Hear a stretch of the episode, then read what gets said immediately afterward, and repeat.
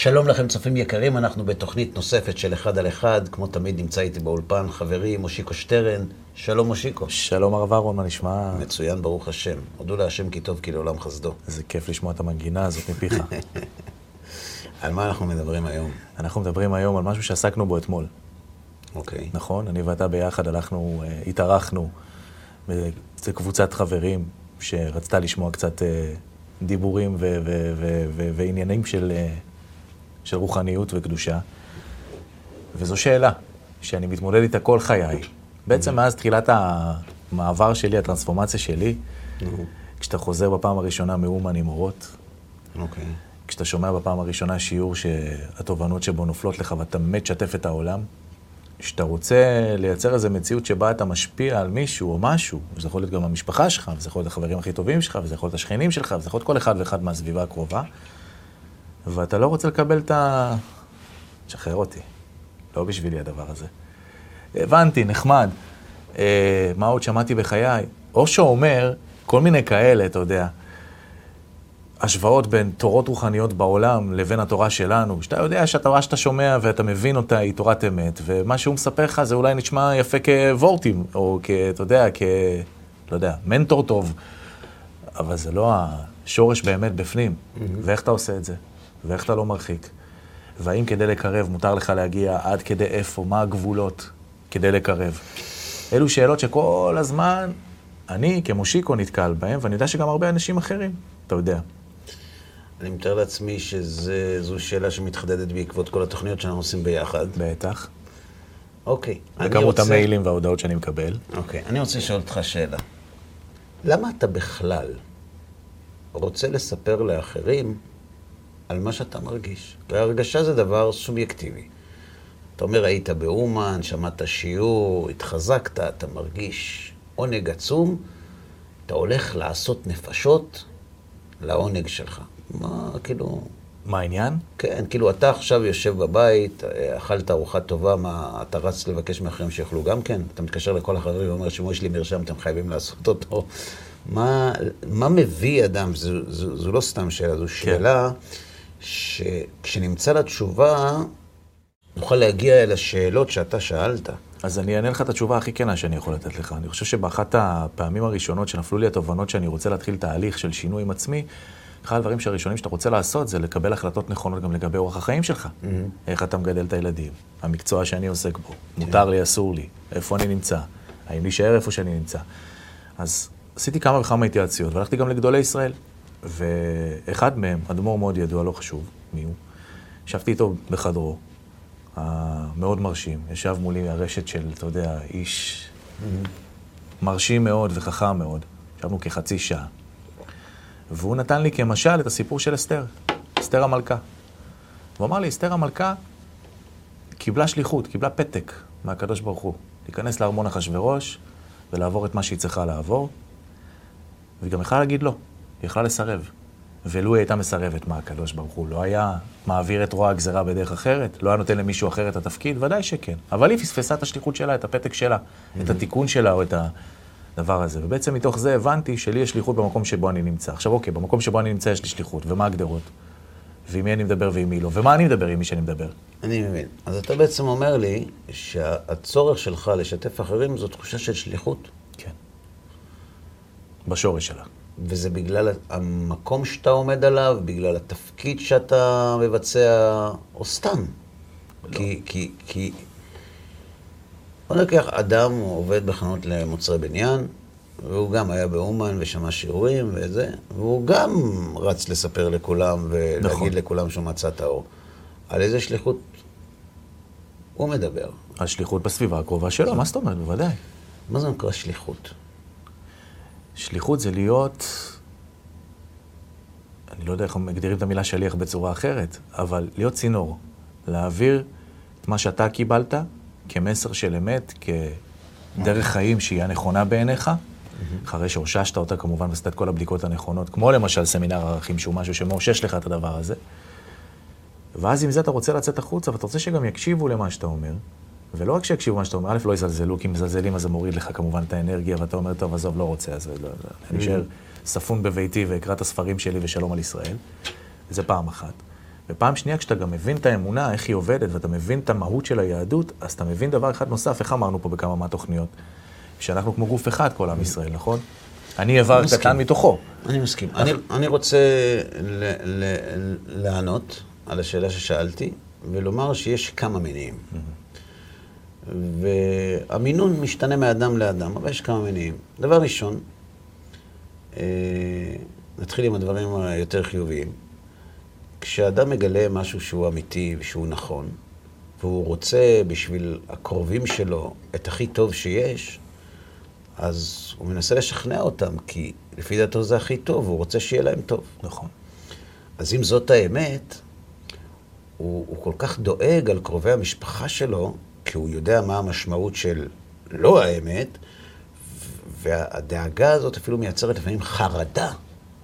אוי ואבוי מה יקרה עם בני המשפחה, אם, אם, אם, אם, אם ימשיכו איך שהם ולא, נכון? Mm-hmm. זו, זו נקודה ראשונה. נקודה שנייה. כשאנחנו עושים שינוי, כמו שאתה הזכרת בצדק בדבריך, בכנות, זה לא שחור לבן. אנחנו עושים את השינוי כי התברר לנו משהו ואנחנו הולכים איתו, אבל עדיין יש לנו גם את הקושי שלנו. ולכן, כשהסביבה שלנו צועדת יחד איתנו, זה הופך את התהליך ליותר קל. אה, כי אוקיי. עושים את זה ביחד. נכון. נקודה שלישית. נכון. בגלל שאנחנו לא סגורים לגמרי, גם אם זה שכלית סגור, אבל רגשית עדיין קשה, אנחנו רוצים לקבל אישור מהסביבה שאנחנו עושים נכון. אז אם הסביבה תאמר לנו, כן, גם אנחנו, אז ככל שמצביעים יותר למפלגה שלי, אני מרגיש יותר נכון, יותר צודק, יותר שלם עם עצמי, וזה נותן לי כוח. אני יכול להבין את הטענה הזאת, אבל זה לא משהו שמדבר אליי. אני לא אמרתי שזה אוקיי, אתה. אוקיי. יש פה כן. מגוון של נקודות. נקודה נוספת, כשאני עושה שינוי, כן. יותר נוח לי לחיות בחברה של אנשים שחושבים כמוני. כי כשאתה חי בין אנשים שלא חושבים כמוך, זה מגיע לעימותים. ומתוך נוחות, אני רוצה שכולם סביבתי, אם אני נהיה צמחוני, אני רוצה שכל בני המשפחה שלי, אני לא נהיה, אני רוצה שכל בני המשפחה שלי יהיו צמחונים. למה? כי עדיין בתוך תוכי יש לי תענוג מהריח של הבשר. אז מה, הם יאכלו בשר ואני זה? כן, נכון. מצד שני גם, אם הם יאכלו צמחוני גם, אז זה יותר טוב בשבילם. ומצד שלישי, זה גם יוכיח לי שאני הולך בדרך נכונה. ומצד רביעי, זה, זה הרבה יותר כיף שכולם ביחד, וזה הרבה יותר נוח, כי, כי קונים רק מוצרים מסוג מסוים, ולא לא נהיה בלאגן, זה בצלחת שלו, זה בצלחת. מה שאתה אומר עכשיו זה אבות המזון שכל תורה טיפולית בערך, אתה יודע. כן, כל תהליך של כן. שינוי. תמיד זה קבוצות תמיכה ותמיד... נכון, זה, אלה הם הסיבות. כשלתורה מצטרף יסוד נוסף, שהוא היסוד הראשון שהזכרנו. פה לא מדובר על דרך חיים, פה מדובר על אמת. וכשאתה מבין שזאת אמת, אז אתה מרגיש שמי שאתה כל כך אוהב הוא בדרך למדרון לפי שיטתך, ואתה פשוט רוצה להציל אותו. אז אני רוצה לסייג, כן. אוקיי? בתפיסה שלי, מעבר לאמת, ודאי שזו אמת, מעבר לאמת זו מהות. למה אני אומר מהות? מה המהות? קודם כל אני נולדתי יהודי, לא בחרתי. בסדר, אפשר... בחרו. תרגיע, שיקו, אפשר להיות יהודי, הכל בסדר. נעשה מנגל ביום העצמאות, נעשה טופו ביום העצמאות. לא, זה לא יהודי, זה ישראלי אולי, אבל זה, אתה יודע. בסדר, אבל אנחנו יהודים, זה יום, יום כיפור, זאת אומרת, מה, מה אתה לחוץ? מה, לא הרגשת יהודי לפני שחזרת בתשובה? לא. לא? לא. אז אתה חריג. אני אגיד לך. הרגשתי, אתה יודע, חלק מהעולם הגדול. כשאני שאלתי פעם... אולי, אולי לא הבנתי מה זה יהודי. בסדר. כשאני שאלתי פעם מורה בבית ספר, לפני כל המורים והמורות, שאלתי אותה, את שומרת שבת? היא התנפלה עליי. מה אתה חושב? שאני יהודייה פחות טובה ממך? להיות יהודי טוב זה לא תלוי בלשמור שבת. אני יהודייה לא פחות טובה ממך. אמרתי להם, את רוצה את זה בכתב, אני מוכן לתת. זה לא מעלה גדולה להיות יהודי יותר טוב ממני. מה מפריע לה? היא מרגישה יהודייה, יש הרבה יהודים במדינת ישראל שהם לא מוגדרים כאנשים דתיים, ולפעמים אפילו גם רחוק מזה. ואם אתה, חס ושלום, תאמר להם, אתם לא יהודים, אתה יודע, הרב שך, זכר צדיק קדוש לברכה, בנאום המפורסם שלו על, ה, על השפנים והחזירים, הוא שאל את השאלה הזאת. במה אתם יהודים? לא יודעים מה זה שבת, לא יודעים מה זה... זה, אוכלים שפנים וחזירים. איזה רעש התעורר במדינה. מי זה שיגיד לנו אם אנחנו במענן יהודי?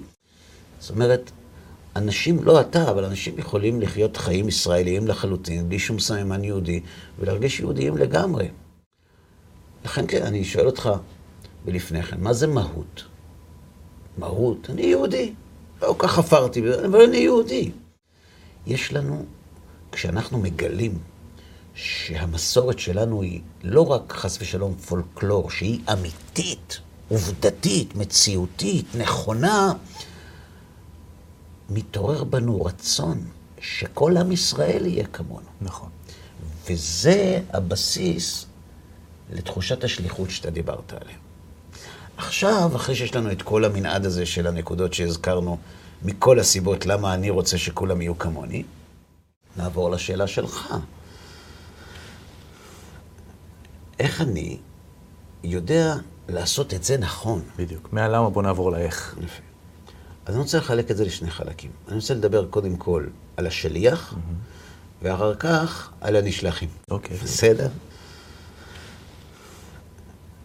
התקשר היום אחד חבר טוב מהישיבה. אומר לי, אהרון, אני שמעתי שאתה נותן הרצאות וזה, ערכים פה. תגיד, כדאי לי להיות מרצה? אתה מכיר אותי, אהרון, אני, יש לי מה למכור, אני יודע לדבר, כדאי לי להיות מרצה? אמרתי לו, למה, אתה מתלבט? הוא אומר לי, כן. אמרתי לו, בין מה למה? הוא אומר, תראה, הציעו לי להיות רב במשטרה. ואני מתלבט. מצד אחד, רב במשטרה, בסדר, אבל יותר מסודר, יותר תנאים וזה. מצד שני, יש פה יש שליחות גם, כמו שאמרת. אמרתי לו, זה לא בשבילך, אתה לא יכול להיות מרצה. תהיה רב במשטרה. ההוא נפגע, אומר לי, תגיד לי, אהרון, למה אתה מדבר איתי ככה? אתה יודע שאני יודע לדבר, למה אתה מדבר איתי ככה? אמרתי לו, תראה, יש הרבה סיבות. רב במשטרה יש פנסיה מסודרת, כן. יש משכורת מסודרת, יש קידום, כן. יש שעות. אין קורונה. אין, יש שעות. כן. אתה מסודר, אתה יודע מתי אתה מתחיל, אתה יודע מתי אתה מסיים, אתה הולך עם אה, דרגות על הכתפיים, אתה... יש לך משרד, אתה מקבל רכב צמוד, אתה מסודר. הכל ברור. כשאתה הולך להיות מרצה, או שאתה מקבל משכורת, או שאתה תקבל משכורת, זאת אומרת, זה גמיש. והתנאים הם תנאים טובים, אם ישנם תנאים, כשישנם. ותדע לך, אמרתי לו, שלהיות מרצה זה נראה נוצץ, זה נראה כבוד גדול, אבל תדע לך, שאתה מתמודד עם הרבה רגעים לא פשוטים, עם לא מעט עלבונות, העלבות, פגיעות, לפעמים אפילו אישיות. ואנשים מתקשרים אליך בשעות לא שעות, ואתה לא יכול להגיד להם לא, כי יש להם צרות שהם בטוחים שאתה יכול לפתור להם אותם. בשביל מה אתה צריך את זה? אתה רוצה להיות מרצה? אני אגיד לך מי יכול להיות מרצה. תגיד לי, כשאתה יודע שיש יהודים שמחללים שבת במטולה או באילת, אתה ישן בלילה? אתה ישן בלילה? זה מפריע לך? זה מפריע לך שיש יהודים מחללי שבת? אם כן, אתה תהיה מרצה טוב. אם לא, אם אתה חושב שמרצה זה קריירה, זה לא. הכסף שאתה תקבל ביחס לביזיונות שאתה תקבל, לשעות לא שעות שאתה תעבוד, לא שווה את הכסף. תהיה רב במשטרה. כשאנחנו הולכים לנסות להשפיע על אחרים, הדבר הראשון שצריך לעמוד מול העיניים שלנו, זה למה אנחנו עושים את זה. בשביל האגו שלי, בשביל להוכיח לכולם שאני צודק, שאני חכם, שאני האמת, או מתוך אהבה למי שעומד מולי. זה תנאי ראשון. בלי זה, זה גם לא יעבוד אם תעשה את זה. הייתי פעם בסמינר של הערכים במקסיקו, אני מדבר איתך לפני 25 שנים בערך. הייתי עם הרב אריה שכטר, זכר צדיק לברכה. איש צדיק, עליו השלום. ואז הייתי יותר צעיר. וכשמישהו מתווכח איתי בהרצאה, אתה יודע, יש כאלה שמשחקים שחמט. עכשיו, הם רואים שהם עושים, הוא רואה שהוא הולך לעשות לך מט, אתה הולך לעשות לו מט. סתם מזיז את זה, ואתה אומר, רגע, אם נעשה ככה, מה יהיה? אומר, לא, ככה זה מת. ואם ככה, גם מת. ואם ככה, גם מת. סיימנו. כן, סיימנו. זו אפשרות אחת. יש אנשים שכשהוא רואה שבשלב הבא הוא הולך לעשות מת, הוא יושב דרוך, שההוא לא יזהה, ואז הוא עושה שח! שח! זה פוגע. אני הייתי מהסוג השני. וואלה. כן. כאילו שאני מתווכח איתי, עד שלא היה ברור לו, ברור לו שהוא טועה לגמרי, לא הייתי מניח לו. אז היית אמוציונלי. אני לא יודע את ההגדרות הפסיכולוגיות, אתה יכול לנתח, אני לא פסיכולוג. ואז בלילה, הרב שכטר אמר לי, אהרון, בוא נצא לסיבוב. עכשיו הייתי בחור צעיר, הוא היה יכול להיות סבא שלי. שם את היד שלו על הכתף שלי, אנחנו הולכים לטייל. אני אגיד לך, נוף של מערבונים, hmm. לא יודע באיזה מקום במקסיקו. וטקס קיאפה, ככה קראו לזה. אוקיי. Okay. ואנחנו מטיילים ברחובות הלא מרוצפים של העיירה הציורית הזאת. והוא אומר לי, תגיד לי, אהרון, אני רוצה לשאול אותך שאלה. כששני אנשים מתווכחים, מי שמח? מי שניצח או מי שהפסיד? אמרתי לו, נו מה? ודאי שמי שניצח. מה יש לסמוך כשאתה מפסיד? אמר לי, זה תלוי. אם אתה מחפש כבוד, מי שניצח. נכון. אם אתה מחפש אמת, מי שהפסיד. אתה יודע למה? כי אם הוא מחפש אמת, והתברר לו שהוא טעה, הוא כל כך שמח ומודה לך שהראית לו את האמת. למדת מזה. כי זה מה שאתה מחפש. נכון. אני הבנתי למה הוא התכוון, הוא לא אמר לי. כשאנחנו עומדים מול אנשים, אנחנו בני אדם. אנחנו מחפשים את התועלת שלהם או את הניצחון שלנו. זה תנאי ראשון, בלי זה אי אפשר בכלל לגשת. אחרי זה עוברים לשלב הבא.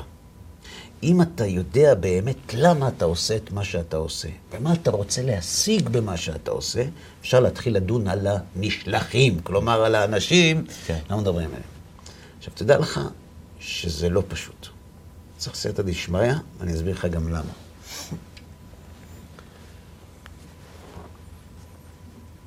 למה לאנשים, מושיקו, קשה לקבל ביקורת? כי אדם לא אוהב להכיר את המקומות ה...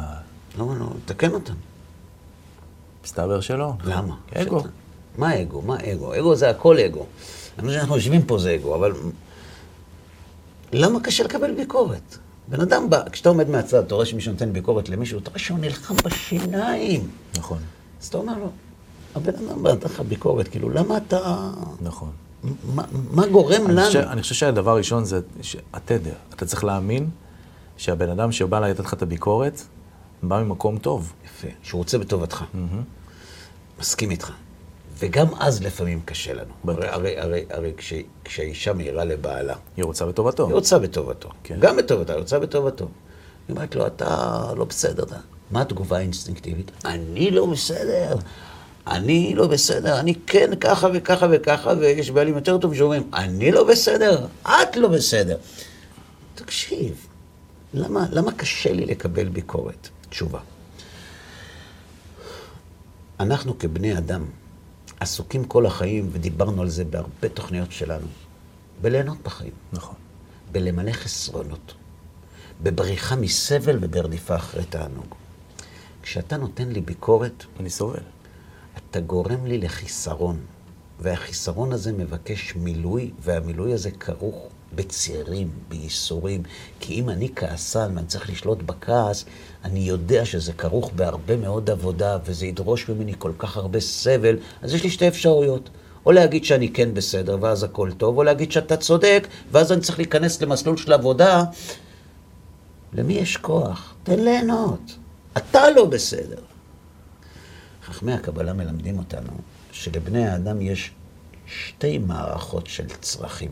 שני סוגים של חסרונות. יש לנו נשמה וגוף, mm-hmm. יש לנו צורך ליהנות מהחיים, יש לנו צורך באמת. בכל אדם יש צורך באמת ויש צורך בנוחות. נכון? אוקיי. Okay. עכשיו השאלה, מה קורה כשבן אדם מגלה שיש אמת, אבל מתנגשת לו בנוחות? בחירה הכי קשה שיש. מה הוא עושה? עודף. אבל יש לו צורך באמת. נכון. אז אולי לא עכשיו, ואולי, אה, אתה יודע. זאת אומרת, כשבן אדם מזהה סכנה, הוא מבצע פעולה לא פשוטה בכלל, שגם היא מסוכנת. אבל הסכנה שממנה הוא נמלט היא גדולה יותר. נכון. אז נכון שאני אחיה עם נקיפות מצפון, כי אני יודע בתוך תוכי שיש אמת, אבל אם אני אוותר על הנוחות, אני אסבול יותר. לכן הוא מעדיף את הנוחות על האמת. נכון. לעומת זאת, יש אנשים שגם רוצים נוחות, אוהבים נוחות, כולנו, אנחנו, יש לנו גוף, אנחנו אוהבים נוחות. אבל כשהוא מזהה אמת שסותרת את הנוחות, הוא יודע שייסורי המצפון שיהיו לו מהאמת הם כל כך גדולים, הרבה יותר מהסבל שיגרם לו מאי הנוחות. אז הוא מחזיק באמת. כשאתה עומד מול בן אדם עם תחושת השליחות שאתה מדבר עליה, ועם, האהבה שאתה מדבר עליה, ואתה נותן לו ביקורת, אתה מאיים עליו בשני המישורים בו זמנית. אתה מאיים על עצם קיומו, על עצם מהותו, על עצמותו, על הרצון ליהנות שלו. אני צריך להשתנות? אני לא צריך להשתנות, אני בסדר גמור, אני אדם טוב. גם הנוחות וגם האמת נאבקים כדי לא לקבל את הביקורת ולהוכיח שהיא לא נכונה. נכון. איך זה בא לידי ביטוי? הוא כאילו בסוג של קרב על החיים שלו, נכון, כשהוא עומד מולך. נכון. איך זה בא לידי ביטוי במה שאתה אמרת? כשאתה בא ואומר לבן אדם, שמע, זאת האמת. זאת האמת. מה זה אומר לו? שאתה מתנשא עליו. שאתה מתנשא עליו, שהוא לא בסדר, שהוא צריך לעשות שינוי, שהוא צריך לוותר על הרבה דברים שהוא רגיל אליהם. אתה מאיים על קיומו. Mm-hmm. גם אם זה עם חיוך. לפעמים כשאתה אומר את זה עם חיוך זה הרבה יותר מלחיץ. יותר מעצבן גם. כן.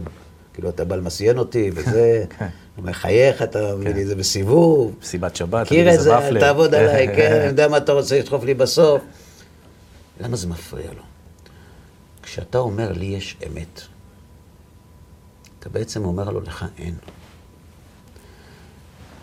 אתה אומר לו, אתה חי בשקר. נכון. אתה אומר לו, הערכים שלך, שאתה מוכן לשלם עליהם, הם לא נכונים. זה מה שאתה אומר לו. עכשיו תחשוב איך אתה איך היית מגיב אם היה בא מישהו ואומר לך, אתה, איזה מין בן אדם אתה, אינך ערכים, כל הערכים שלך אוויר, הכל שקר, הכל אינטרסים, אתה בן אדם לא מוסרי. היית מוכן לקבל אותו? ודאי שלא. גם אם הוא אמר לך את זה עם חיוך. נכון. אז מה אתה רוצה ממנו? זה מה שהוא מרגיש. זה מה שהוא חושב. אוקיי, אז תניח לו. מה זה? אז אוקיי, אז תניח לו. בסדר. זו אפשרות להניח לו. רק אני מבקש לומר, כשאני בא למישהו ואומר לו, זאת האמת, אני לא צריך להתפלא. וגם לא לחשוש מהתגובה הכל כך טבעית שהוא משחרר מהפה שלו. אה, אני שאלתי שאלה אחרת. אוקיי? מה שאלת? ההבנה של מה שאתה אומר, אחד על אחד. זה כל כך נכון, אתה לא מבין עד כמה. אתה מבין עד כמה, אתה חי את זה. הרי גם אתה יכלת להיות יופי של סוכן אה, מכירות לשואבי אבק, אה, לא יודע מה, ולעשות... כל כניסה. גם. מדהים. כן, אתה מבין? הם עושים אחלה כסף, לא? כן. ובחרת לקחת את. הצינור הזה, את המתנה הזאת שקיבלת מהקדוש ברוך הוא. אני לא בחרתי, הקדוש ברוך הוא הוביל אותי לשם. אוקיי, לא זה בחר בי, בסדר, אני מבין. אבל את הדבר הזה, בעצם, אתה מבין היום, שלא הייתי שואל אותך עכשיו, הרב אהרון, מה אתה מעדיף? עכשיו, עכשיו, עכשיו. יש לך בחירה. לעצור רגע את כל ההתמודדות הזאת ואת ה... אתמול ישבנו בשולחן עם צחוקים ועם יין ועם זה, ואני מסתכל עליך ואני רואה שזו לא הסביבה הטבעית שלך, אבל באת לעשות את מה שאתה צריך לעשות. זה משהו שאני ישבתי בצד, ואתה יודע, ואמרתי, א', ברוך השם שזכית לזה, וב', זה לא פשוט. לא, זה לא פשוט. זה באמת לא פשוט. זה לא פשוט. ואיך אתה חוזר עם זה הביתה? אני אענה לך. א', אני לא מחליף את זה בשום מין שבעולם, בשום דבר אחר. יפה. בשום דבר אחר. לזה ציפיתי. זאת האמת. דבר שני, אני למדתי את זה ממישהו. אני למדתי את זה מהרב אורי זוהר. בתחילת דרכי, בעולם התשובה, בהרצאות, הזמינו אותי להרצאה בפאב כלבא שבוע, בירושלים. אוקיי. אני לא רציתי לבוא, אבל אמרו לי שיהיה הרב אורי זוהר והרב בן פורת. אמרתי שאני בגיהנום שלהם אני מוכן ללכת. זה היה לא נעים, כי כשחיפשתי את המקום, אנשים הסתכלו עליי ככה, כאילו, מה אתה עושה? קל בשבוע, אתה בטוח? זה היה ערב לצעירים וצעירות שמנה וסלטה של ירושלים. ערב סגור, היו שם אולי 300 חבר'ה, משהו כזה. ואני נתתי הרצאה, כשהרב אורי זוהר, שליטה, הגיע, נשארתי להקשיב לה. ואני הסתכלתי לו בעיניים. יש הרבה, כל כך הרבה מה ללמוד מהאיש המופלא הזה. וראיתי בעיניים שלו צער עמוק. אני לא שאלתי אותו. אני מעריך שהתחושה שלי היא נכונה. צער על מה? על זה שהוא נמצא שם. הוא הרי מכיר את כל המרתפים האלה. נכון. לא רוצה להיות פה בכלל. הוא לא רוצה להיות כאן. אז למה אתה פה? כי יש פה אחים שלי. ואני, בשבילם, מוכן ללכת למקום שבחיים לא הייתי הולך שם לבד. אבל הם אחים שלי. לכן אני שם. אני לא אומר שאני... אני לא, אני אומר שאני לא נמצא במדרגה הזאת, הלוואי שאזכה. אבל למדתי ממנו שיעור. למדתי ממנו עד איפה בן אדם אמור לוותר על הנוחות שלו, על המקום הרוחני שבו הוא נמצא, כי יש לו אחים. אתה באמת רוצה לעשות את מה שהשם רוצה? השם רוצה אותם, השם אוהב אותם. אז איך אתה נותן להם להמשיך ככה? אז יבואו ויגידו לך, אז למה שם? קח אולם, אל תגבה להם כסף. זה מה שבדרך כלל קורה. תעבירו אס.אם.אסים ובואו. אז בדרך כלל לא גובים כסף, ובדרך כלל זה באולם, או בחוג בית, בדרך כלל זה לא נמצא במקומות האלה. אבל אתם הלכתם לפאב הכלבה שבוע כן. של אז, כן. כי אתם ידעתם שיש אנשים שיגיעו רק למקום כזה. יפה. אם היה אפשר להביא אותם במקום אחר, ודאי שהם מביאים אותם במקום אחר. אני מדבר על העיקרון. אתה שואל אותי, מה, מה, מה מביא אותך ל- לעשות את זה? קודם כל ראיתי את זה בבית. דבר שני, אשתי בעלת תשובה. בגיל צעיר מאוד, ההורים שלה חזרו בתשובה. אבל כשאתה רואה אנשים שמתעוררים מקומה, אתה שואל את הרופא למה אתה עושה את זה? ודאי שלא. הוא רואה חיים. נכון. הוא רואה פרץ של חיים חדש. וכל מי שמתעסק בעולם התשובה רואה את זה. זה ממש חזון העצמות היבשות, פשוטו כמשמעו. אז איך אפשר לוותר על דבר כזה? איך אפשר להתעלם מדבר כזה? איך אפשר לא לראות נס בדבר כזה? אני לא מדבר עליי. אני מדבר, על, כלומר עלינו, על אלה שאומרים, אנחנו צריכים ללכת לדבר. אני, אני מדבר על אלה שנמצאים ממול, שאתה אמרת בתחילת התוכנית, איך אני גורם להם לא לעשות את כן. התודה רבה הזאת. כן. אז אני אגיד לך איך. עם כל מה שאמרנו עד עכשיו,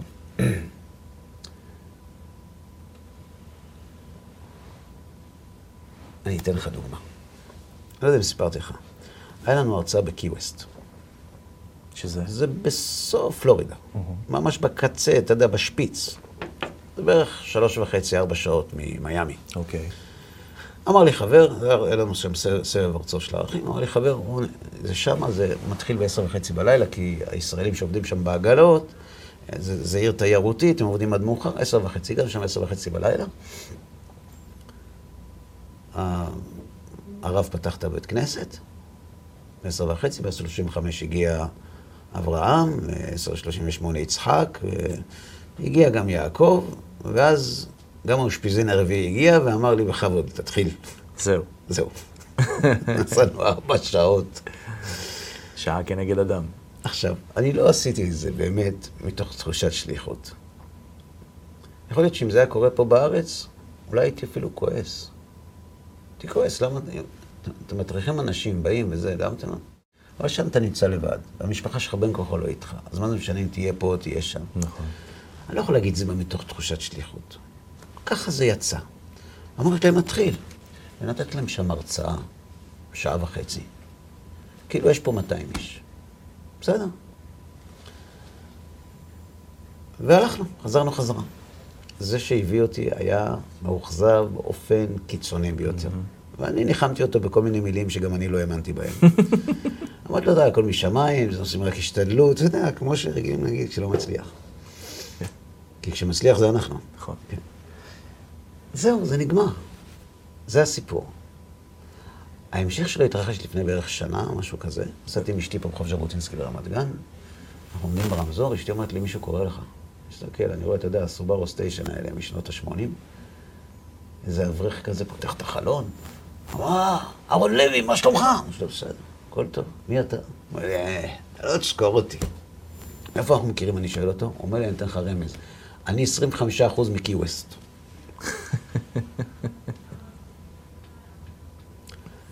ואז הוא אמר לי, לפני שהרמזור התחלף, אני רק רוצה להגיד לך, תמשיך. אני רוצה להגיד לך משהו, הוא אומר לי. אני לא זוכר כלום ממה שאמרת בהרצאה, וההרצאה שלך לא גרמה לי לחזור בתשובה, למרות שאני היום אברך. אתה יודע מה נתן לי את הבום? אמרתי, הבן אדם הזה בא ארבע שעות. יושבים פה ארבעה אנשים, שניים נרדמים, איפה הוא מדבר? מאיפה זה? נכון. למה הוא עושה את זה? למה הוא לא הסתובב והלך? יש פה משהו. זה לא נתן לי מנוחה. נכון. לכן, יש גם ברצינות שאתה נותן למה שאתה עושה, מסר לא מילולי, שגורם לאנשים להפיל מחיצות, כי כשהוא יושב מולי הוא צריך להוכיח שהוא צודק, אבל כשהוא יושב בלילה, כשהוא מדבר עם הכרית שלו בלילה, הוא צריך לתת תשובות, ושם אין פילטרים, שם הוא צריך לענות לעצמו תשובות. אתה היית עושה דבר כזה? אז למה הוא עושה את זה? אבל צריך סייעתא דשמיא בעוד דבר. אנשים מחפשים גם אמת וגם נוחות. הביקורת מאיימת גם על האמת וגם על הנוחות.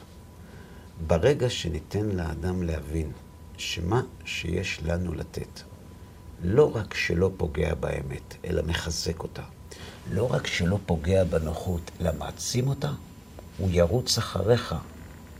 לא יהיו מחיצות. ובשביל זה צריך סייעתא דשמיא. בהחלט. אגיד לך למה. כי כשאתה מדבר עם איש של נוחות על אמת, ועם איש של אמת על נוחות, אתה יכול לדבר איתו, כאילו, אני אוכיח לך. מעניין, אבל תגיד, מה, כאילו, בשביל מה כל העסק? עזוב, אפשר ככה, ואתה מכיר את זה? ברור. זאת אומרת, צריך סייעתא דשמיא להגיד את הדברים הנכונים לאנשים הנכונים. כי, כי התורה היא גם נוחה, והיא גם אמיתית, וצריך להיזהר לא להחליף. לא לתת לזה את הנוחות ולזה את האמת. אגב, בסמינרים שהזכרת שלנו בערכים, יש הרצאות גם על נוחות, שזה הנאות החיים, טעמי המצוות, פסיכולוגיה ויהדות, חינוך, זוגיות, ויש הרצאות על אמת, על אמיתות התורה שבכתב, אמיתות התורה שבעל פה, נבואות שהתגשמו. זאת אומרת, אנחנו בסמינר באמת מבקשים לתת מענה כללי, כן. כאילו בדיוק, לתקוף בשתי חזיתות. גם של הנוחות וגם של האמת. אני אגיד לך, ברגע שבן אדם מאמין שמה שיש לך לתת לו זה נוח לו, הוא ירוץ אחריך. נכון. אני גם חושב שאחד הדברים החשובים פה זה, כמו שאמרתי קודם, זה התדר. אם הוא מזהה שאתה, אתה, אתה, שאתה מדבר איתו עכשיו, אתה, אתה דובר אמת, אתה מאמין באמת במה שאתה אומר, ומעבר לזה, הוא צריך גם לזהות בך שאתה אוהב אותו. כי אם אתה לא... שאתה רוצה בטובתו. כן. שאתה אוהב אותו, כן. זאת המילה. כן. זאת המילה. כי אני זוכר, אני לא יודע אם סיפרתי לך את זה באחד השיעורים, אחרי שהיה לנו איזה מישהו בשכונה, במשך שנים ארוכות, השליח הבא שלנו היה מטמטם אותו. בוקר טוב, צריך תפילין? עזוב אותי כבר, נו די, מספיק, כל יום אתה שואל אותי, לא מניח תפילין, תשחרר אותי. יום, אחרי יום, אחרי יום. ואז יום אחד הוא אמר, מה אתה רוצה? הוא אמר, אני רוצה שתניח תפילין. למה? הוא אמר, כי אני אוהב אותך. ככה. מה טוב, נו, תביא. הוא הניח תפילין. ולמחרת הוא הגיע למניין. ואז למנחה, ואז לערבית, והיום האיש כזה. יופי. אז בואו ננסה לנתח את הסיפור.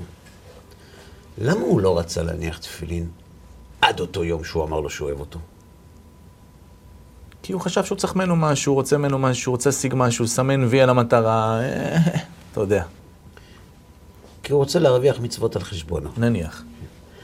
אבל כשהתברר לו שזו לא הסיבה, הוא כן היה מוכן לשמוע. עכשיו, מה זה אומר? שיש לו משהו נגד תפילין? לא. לא. אין לו כלום נגד נכון. תפילין. גם אין לו, כלום, אין לו כלום נגד שבת. יש לו משהו נגד אלה שבאים אליו ודורשים ממנו לעשות את זה. ואז הוא נאבק בכפייה דתית, ונאבק בהדתה, ונאבק בכל המילים החדשות שהגיעו מהאקדמיה.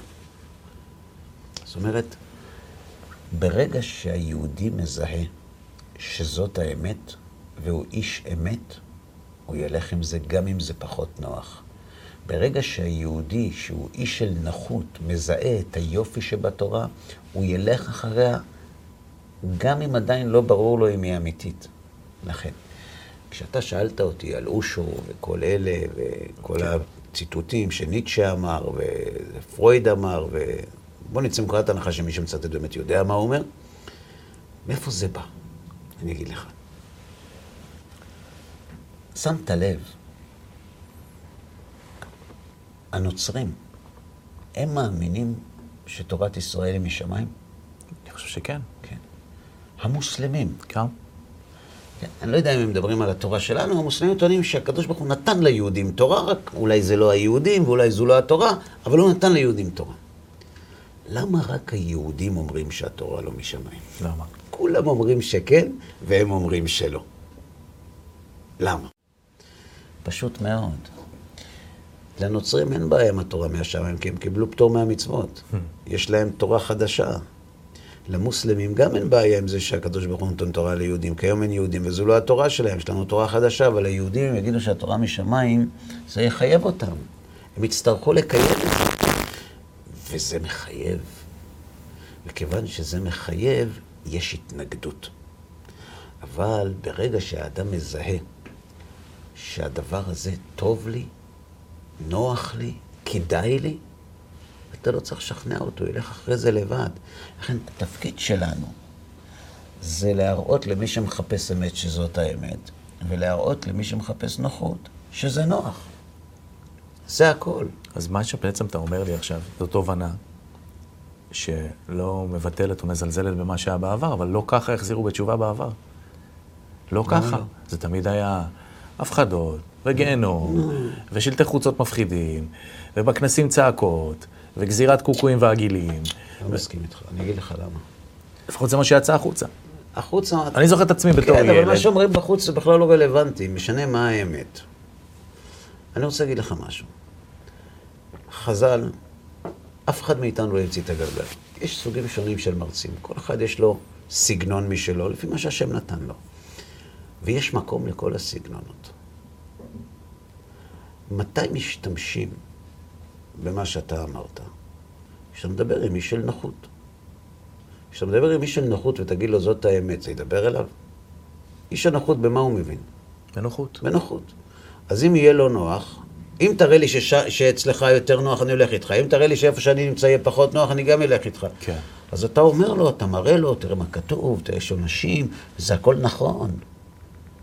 זה הכל נכון, זה שיש רבנים שלא אומרים את זה, זה לא אומר שזה לא נכון. אבל זה, שזה, אבל איש הנוחות יגיד לך, נו, אבל זה לא קורה, הנה, השמיים לא נוחים. אה, בסדר, בסדר. אז אנחנו נדבר גם על זה. זה אמת. כשאומרים, תדע לך שיש גיהינם, ותדע לך, זה אמת, זה לא שקר. ואם אתה לא אומר את זה, יכול להיות שהוא יבוא אליך בתביעה ויגיד לך, למה לא אמרת לי את זה? אבל השאלה שלי היא, לא אם זה נכון או לא נכון. יש מקום לגישה כזאת, יש מקום לגישה... אגב, יש, יש רבנים ומרצים שידיהם רב להם בשני התחומים. כן. ו, ולפי איך שהם מזהים את האנשים שיושבים מולם, לפי זה הם מדברים. כן. כמו שאמר פעם אחד המרצים בערכים, אני זוכר שבאתי בפעם השנייה, בפעם הקודמת היינו חברים, עכשיו אנחנו רבנים. טוב, בסדר. יש מקום לכל הגישות, כל זמן שזה מבוסס על התורה, התורה היא אמת. אבל אני לא מחזיק מזה, זאת אומרת, אני לא, מה שאתה אומר, אני לא, לא כך מסכים. אין, מה זה הפחדות?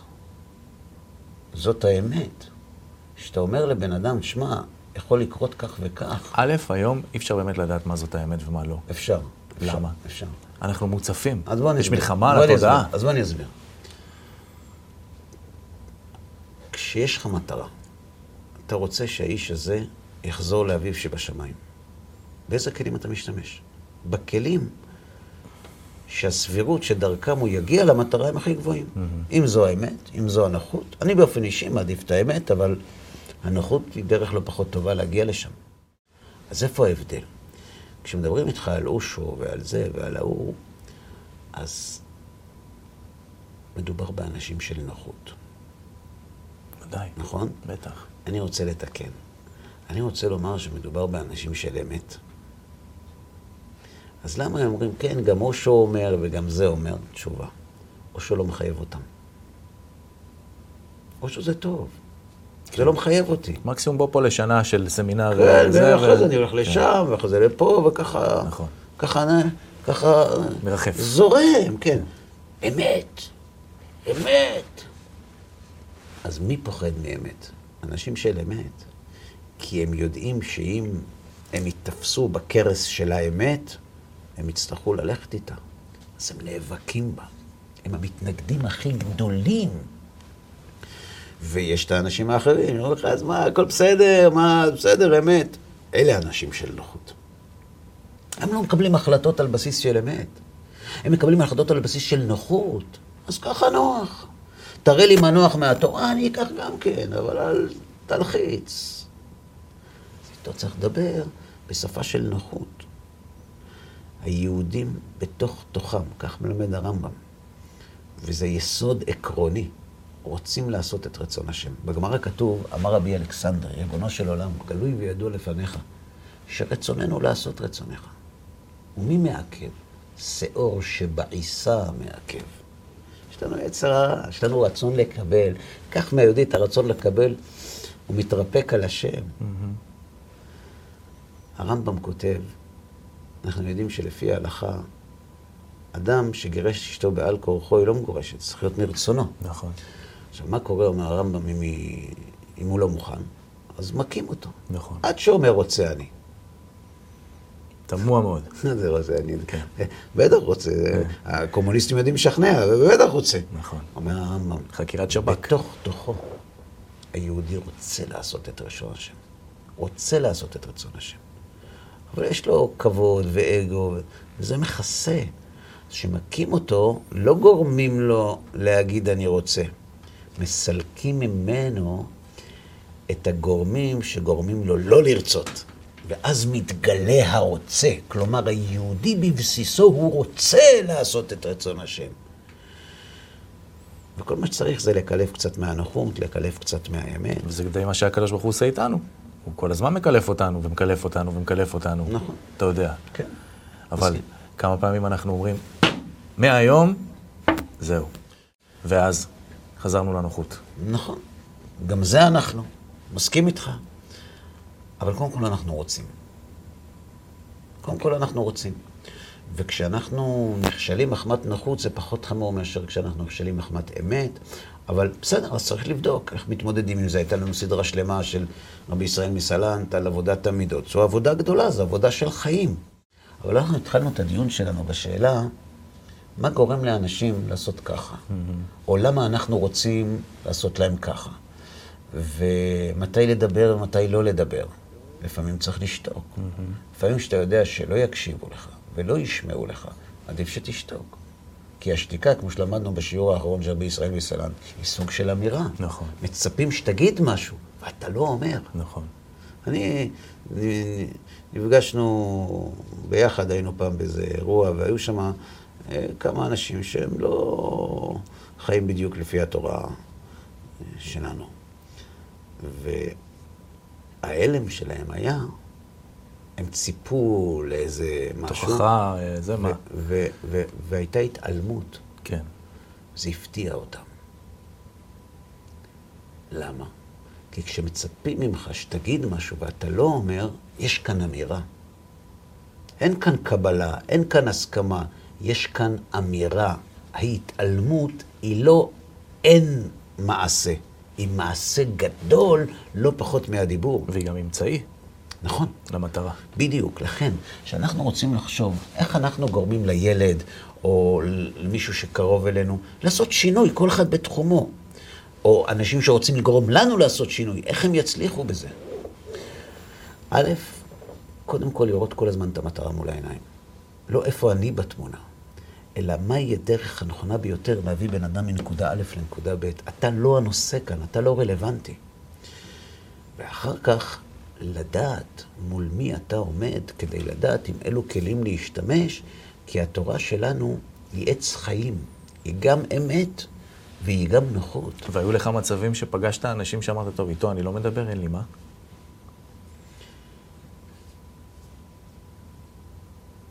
לא זוכר.